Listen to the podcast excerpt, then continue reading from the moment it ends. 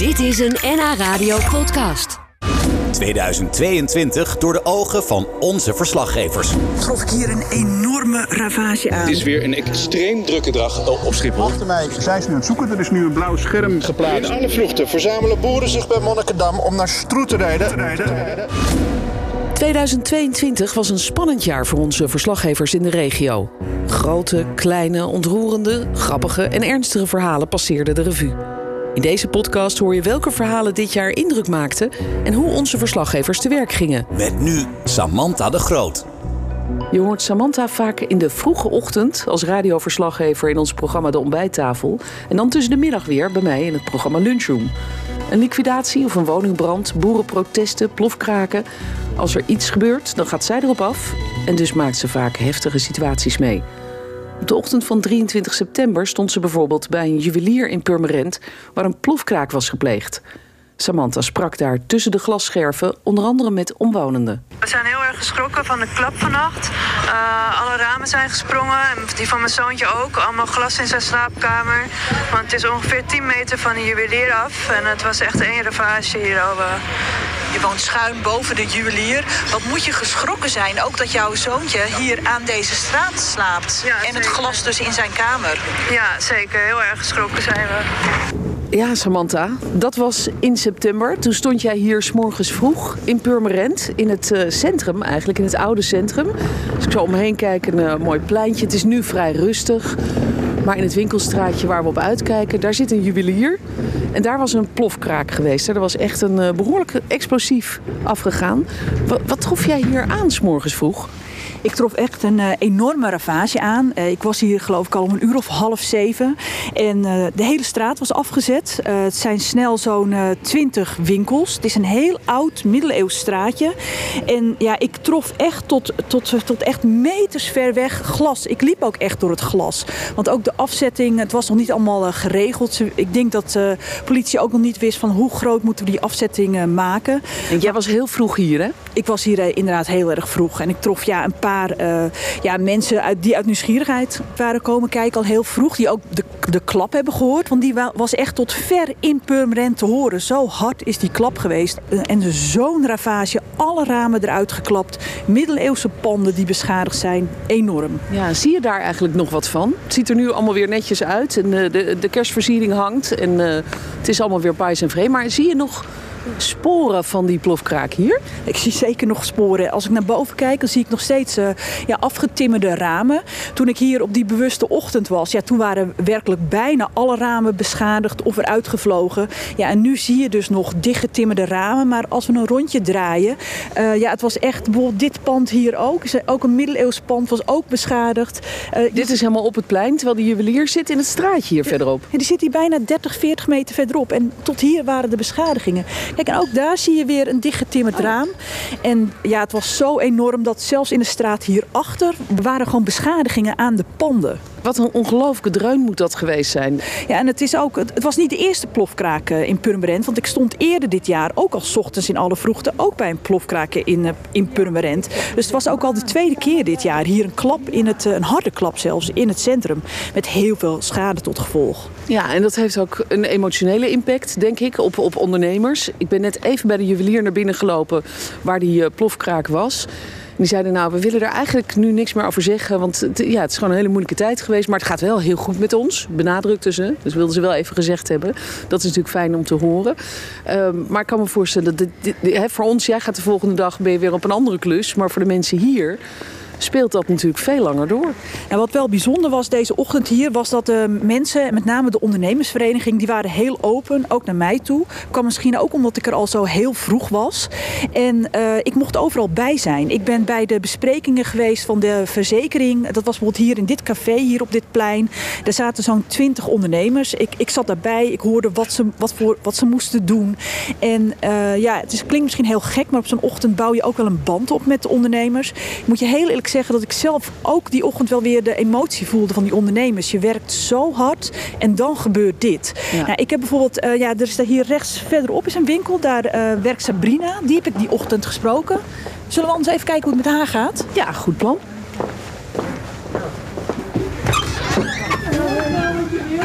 Ja, deze winkel zit dus nou, toch wel een stukje verderop van de juwelier, waar die plofkraak was. Ja. 10, 20 meter. En Patricia, ik was hier die ochtend en waar we hier nu lopen, zelfs daar liep ik door het glas. En de deur was helemaal ontzet. Ja, en daar trof ik dus eh, Sabrina aan. Goedemorgen. Sabrina.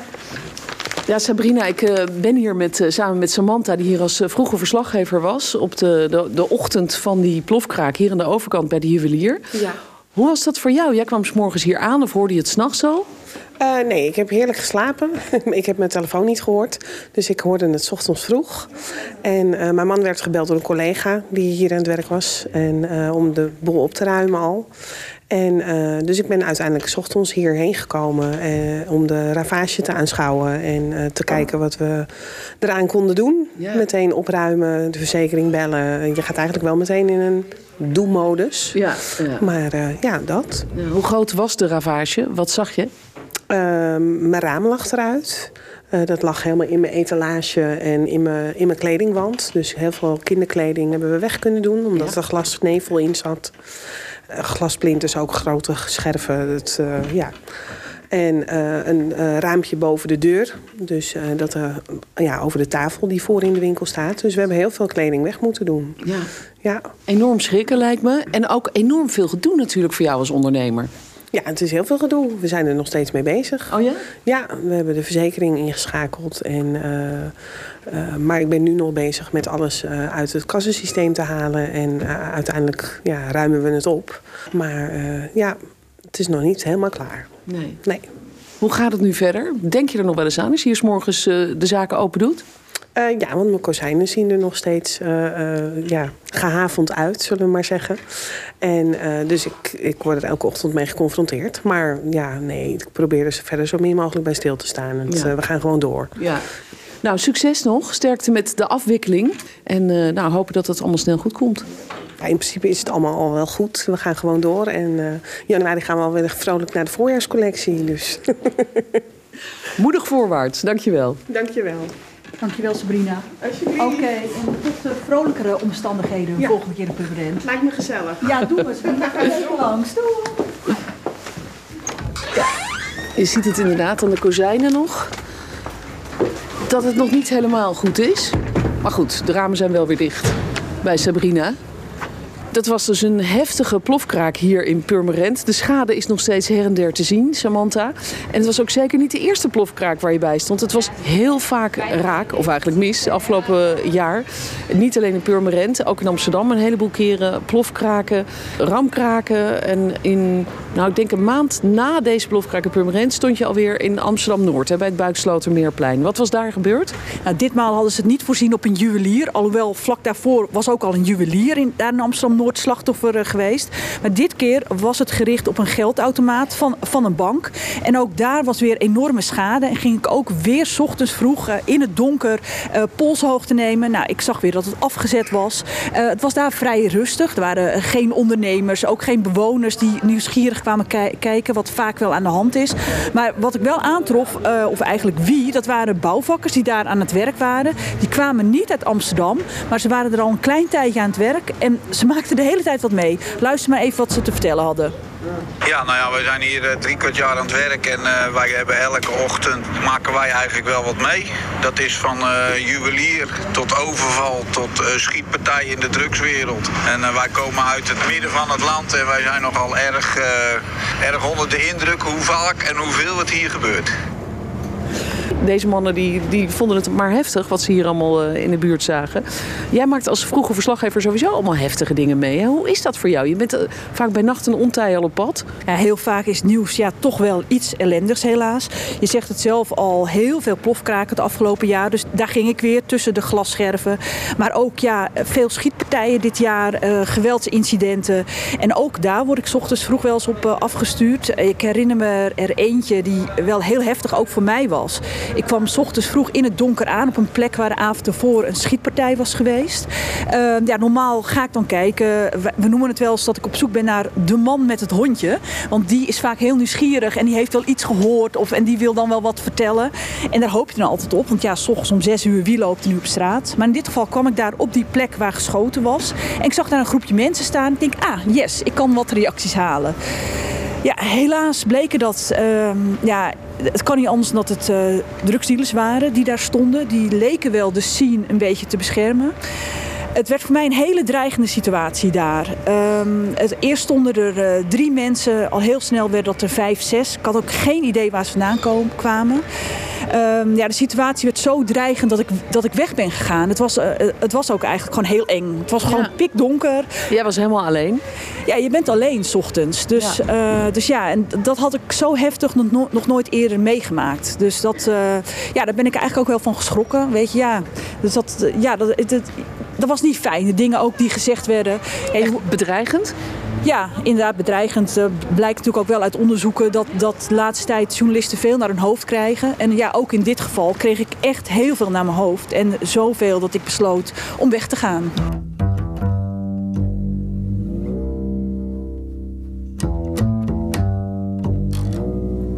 Gelukkig kom je als verslaggever in Noord-Holland niet alleen nare dingen tegen. Want het afgelopen jaar was eigenlijk ook wel een soort jaar van bevrijding hè, na corona. Opeens konden de mondkapjes weer af en mocht er weer van alles. Hoe heb jij dat ervaren als verslaggever? Ja, dat was natuurlijk wel heel fijn om te zien dat inderdaad dat slot er weer afging. Ik heb ook zelf wat dingen van mezelf terug, teruggeluisterd van het afgelopen jaar. En dan dacht ik, hé, hey, wat, wat klink ik raar? Dacht ik, nee, ja, maar daar was ik met een mondkapje op aan het werk. Oh, en ja. dat, ja. dat vergeet je ook alweer, dat ik met een mondkapje op stond. De geïnterviewde. En altijd een vrolijk start van het seizoen is bijvoorbeeld ook uh, de kaasmarkt in Alkmaar. Die is altijd de hele zomer, iedere vrijdag. En traditioneel zijn we daar eigenlijk altijd wel bij. Wordt altijd uh, geopend door meestal wel een bekende Nederlander. En ook dit jaar ging het eigenlijk extra feestelijk wel van start. Nadat het twee jaar niet geweest was.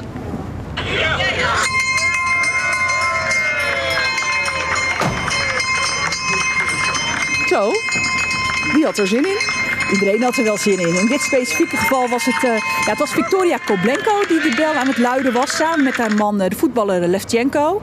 Dus uh, ja, zij hadden er wel zin in. Ze hadden ook hun zoontje mee. Die zag ik ook stralen. En het was eigenlijk ook voor ja, de, de, de mensen van de kaasmarkt. Het was zo'n vrolijk begin weer. En eigenlijk was het wel een beetje het start, een start van het, de rest van het seizoen met vrolijke dingen. Want ja, ik ben niet alleen bij de kaasmarkt geweest. Um, ja, ik ben ook drie dagen bijvoorbeeld bij de Formule 1 geweest. Ja, geweldig. Ja, het is een oranje feestje in Noord Noord-Holland. Het was het tweede jaar dat het was natuurlijk. Dus ja, dan zie je al die mensen genieten. En als hij dan ook weer wint, ja, dat ja. is natuurlijk enorm. Ja, ja. Heb jij dat moment zelf ook nog meegekregen? Of was je toen ook druk bezig met, met opnemen? Nou, we hadden de, de shifts hadden we verdeeld. En ik had iedere keer de ochtenddienst. En wat eigenlijk wel heel leuk was, was dan ging ik al 's ochtends vroeg in de trein met oranje gangers. Um, ja, had ik al heel vroeg de trein. Mensen die echt vooraan wilden zitten. En uh, ja, die, die sfeer was echt ongelooflijk. Dan gewoon al de trein van half zeven 's ochtends. Ja. En dan ging ik met ze van Heilo uh, naar, naar Zandvoort. En ik trof groepen vrienden aan op, op stations. En ja, dat was heel leuk. Maar om terugkomend op je vraag, nee, ik was er dan niet bij. Want dan had ik al een hele dag erop zitten. Dan was ik eigenlijk blij dat ik naar huis mocht. Maar ik heb wel de race thuis op tv gekeken. Ja, heel goed. Ja, jij bent wel heel vaak s'morgens heel vroeg al uit te veren. Hè? Hoe is dat? Word je noodgedwongen een ochtendmens? Of ben je dat van nature? Ik ben wel een ochtendmens, dat klopt. Maar uh, ja, ik heb echt wel eens dat mijn wekker om vijf uur gaat. Of ik word uit mezelf om vijf uur wakker. En het gevolg is dat je ook op je vrije dagen zo vroeg wakker bent. Maar uh, ja, de ochtendstond heeft goud in de mond, toch? Ja. Je spreekt vaak mensen die iets heftigs hebben meegemaakt, iets moois of iets verdrietigs. Zijn er ook verhalen die jou persoonlijk raken? Nou, misschien Patricia herinnert je nog dat ik het heel even te kwaad kreeg op het moment dat ja, in, maart en april toen uh, Oekraïners uh, deze kant op kwamen, vluchten. Uh, toen heb ik daar heel veel ja, dingen mee gedaan, om het zo te zeggen. Ik was onder andere bij een sporthal die ingericht werd voor ja, echt wel 200 vluchtelingen. Ik krijg nog kippenvel van als ik dat beeld weer terugkrijg. ja, er werden bedden neergezet en ook wiegjes.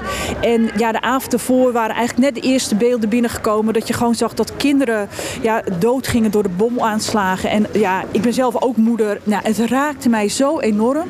En helemaal ehm, die wiegjes, dat je, dat je realiseerde, hier komen gevluchte moeders met, met kinderen. Nou, en, en er was geen privacy, helemaal niets. Het was één grote, kale sporthal. Heel goed dat het er is. Het is, was natuurlijk ook noodopvang. Maar ja, ik vond dat echt verschrikkelijk om te zien. Maar ik denk dat we allemaal in Nederland in maart, dat dat, dat, dat allemaal gebeurde. Uh, dat we allemaal niet wisten van ja, wat, wat overkomt ons? Wat zien we nu? Het, het, het is 2022 en dit gebeurt, deze oorlog. Ja. Ik had het niet meer. Het was ook echt de eerste keer dat dat me overkwam. Ik probeer meestal wel zakelijk te blijven, bij de feiten te blijven. Niet zo heel veel. Uh, ja, natuurlijk kan je wel wat emotie en je probeert dingen te omschrijven. Maar je probeert toch een beetje met een helikopterview naar dingen te kijken. En het zakelijk te blijven behandelen. Want als je emotioneel bij dingen betrokken raakt, ja, dat moet je natuurlijk ook eigenlijk niet doen. Hoe moeilijk het ook wel eens is. Nou, Zoals dat we zojuist Sabrina, die, van, de, van die winkel hier in de straat in Purmerend. Ja, dat zij ontredderd was. Ja, ik voelde die ochtend ook gewoon heel sterk de emotie van die ondernemers. Maar toch, ja, ik moet ook mijn werk doen. Je vertelde net dat je wel eens enge situaties meemaakt. Uh, bijvoorbeeld die bedreigingen die je hebt gehad van, uh, van een stel nou, drugsdealers waarschijnlijk. Maak je ook wel eens het omgekeerde mee? Dat mensen het leuk vinden om je te zien en zeggen... hey, BS Samantha, we kennen je van de radio, kom even binnen voor een kopje koffie. Ja, het is inderdaad wel eens dat mensen me of aan mijn stem herkennen... of inderdaad zeggen, oh, maar ik hoorde je vanochtend nog daar en daar. Voor als ik voor jouw programma Lunchroom weer ergens ben... zijn mensen ook wel eens verbaasd. Van dat ik dan weer uh, 100 kilometer verderop ben. Dus dat, dat is wel leuk. En ja, ik krijg inderdaad wel heel vaak koffie aangeboden. En wat ik ook vaak meemaak is, we, we kiezen er ook wel eens voor om s ochtends vroeg al reacties op het nieuws op te nemen. Als er iets groots is gebeurd. Of nou ja, zoals bijvoorbeeld met het afgelopen WK, toch wat reacties over de wedstrijden. En dan ga ik heel vaak s ochtends vroeg naar plekken waar heel veel mensen zijn. Uh, dat kan een pontje zijn, maar ook een station. Ik ga vaak naar het station, daar is het lekker warm. En het valt mij op dat mensen die op de trein staan te wachten, ja, die uh, vinden het, uh, met name de vroege vogels, die vinden het heel leuk om een praatje te maken. En ik hoor de leukste verhalen soms. En, uh, dus ja, dat vind ik altijd wel, wel hartverwarmend dan. Ja, dat maak je dus ook allemaal mee, s morgens vroeg. Wat is jouw verwachting voor volgend jaar eigenlijk? Wat, waar hoop je op? Ik hoop op uh, heel weinig plofkraken, maar ik uh, vermoed dat deze helaas uh, trend zich nog wel eventjes voort gaat zetten. Ja, en ik hoop weinig ellende. Um, maar ja, het nieuws is, gaat soms die kant op, helaas. voor mezelf hoop ik ook heel veel leuke evenementen. ik kijk weer uit naar de Formule 1, de wandelvierdaagse, want ik ben niet alleen nieuwsverslaggever. Ik doe eigenlijk ook alle grote sportieve evenementen. 8 januari hebben we weer de halve marathon van, van Egmond. Ook oh ja. daar sta ik dan weer ja, waarschijnlijk in de kou. Uh, ook dat, dat hoort erbij, maar daar kunnen we ons natuurlijk gelukkig op kleden. Dat hebben we nu ook. En uh, ja, ik, ik zie wel, weet je, ik, dat vind ik het mooie aan dit vak. Ik weet echt, serieus, oprecht, nooit wat ik ga doen. Zalig vind ik dat. Dankjewel, Samantha. En een gelukkig nieuwjaar. Hetzelfde, voor iedereen. Dit was een NH Radio podcast. Voor meer, ga naar nhradio.nl NH Radio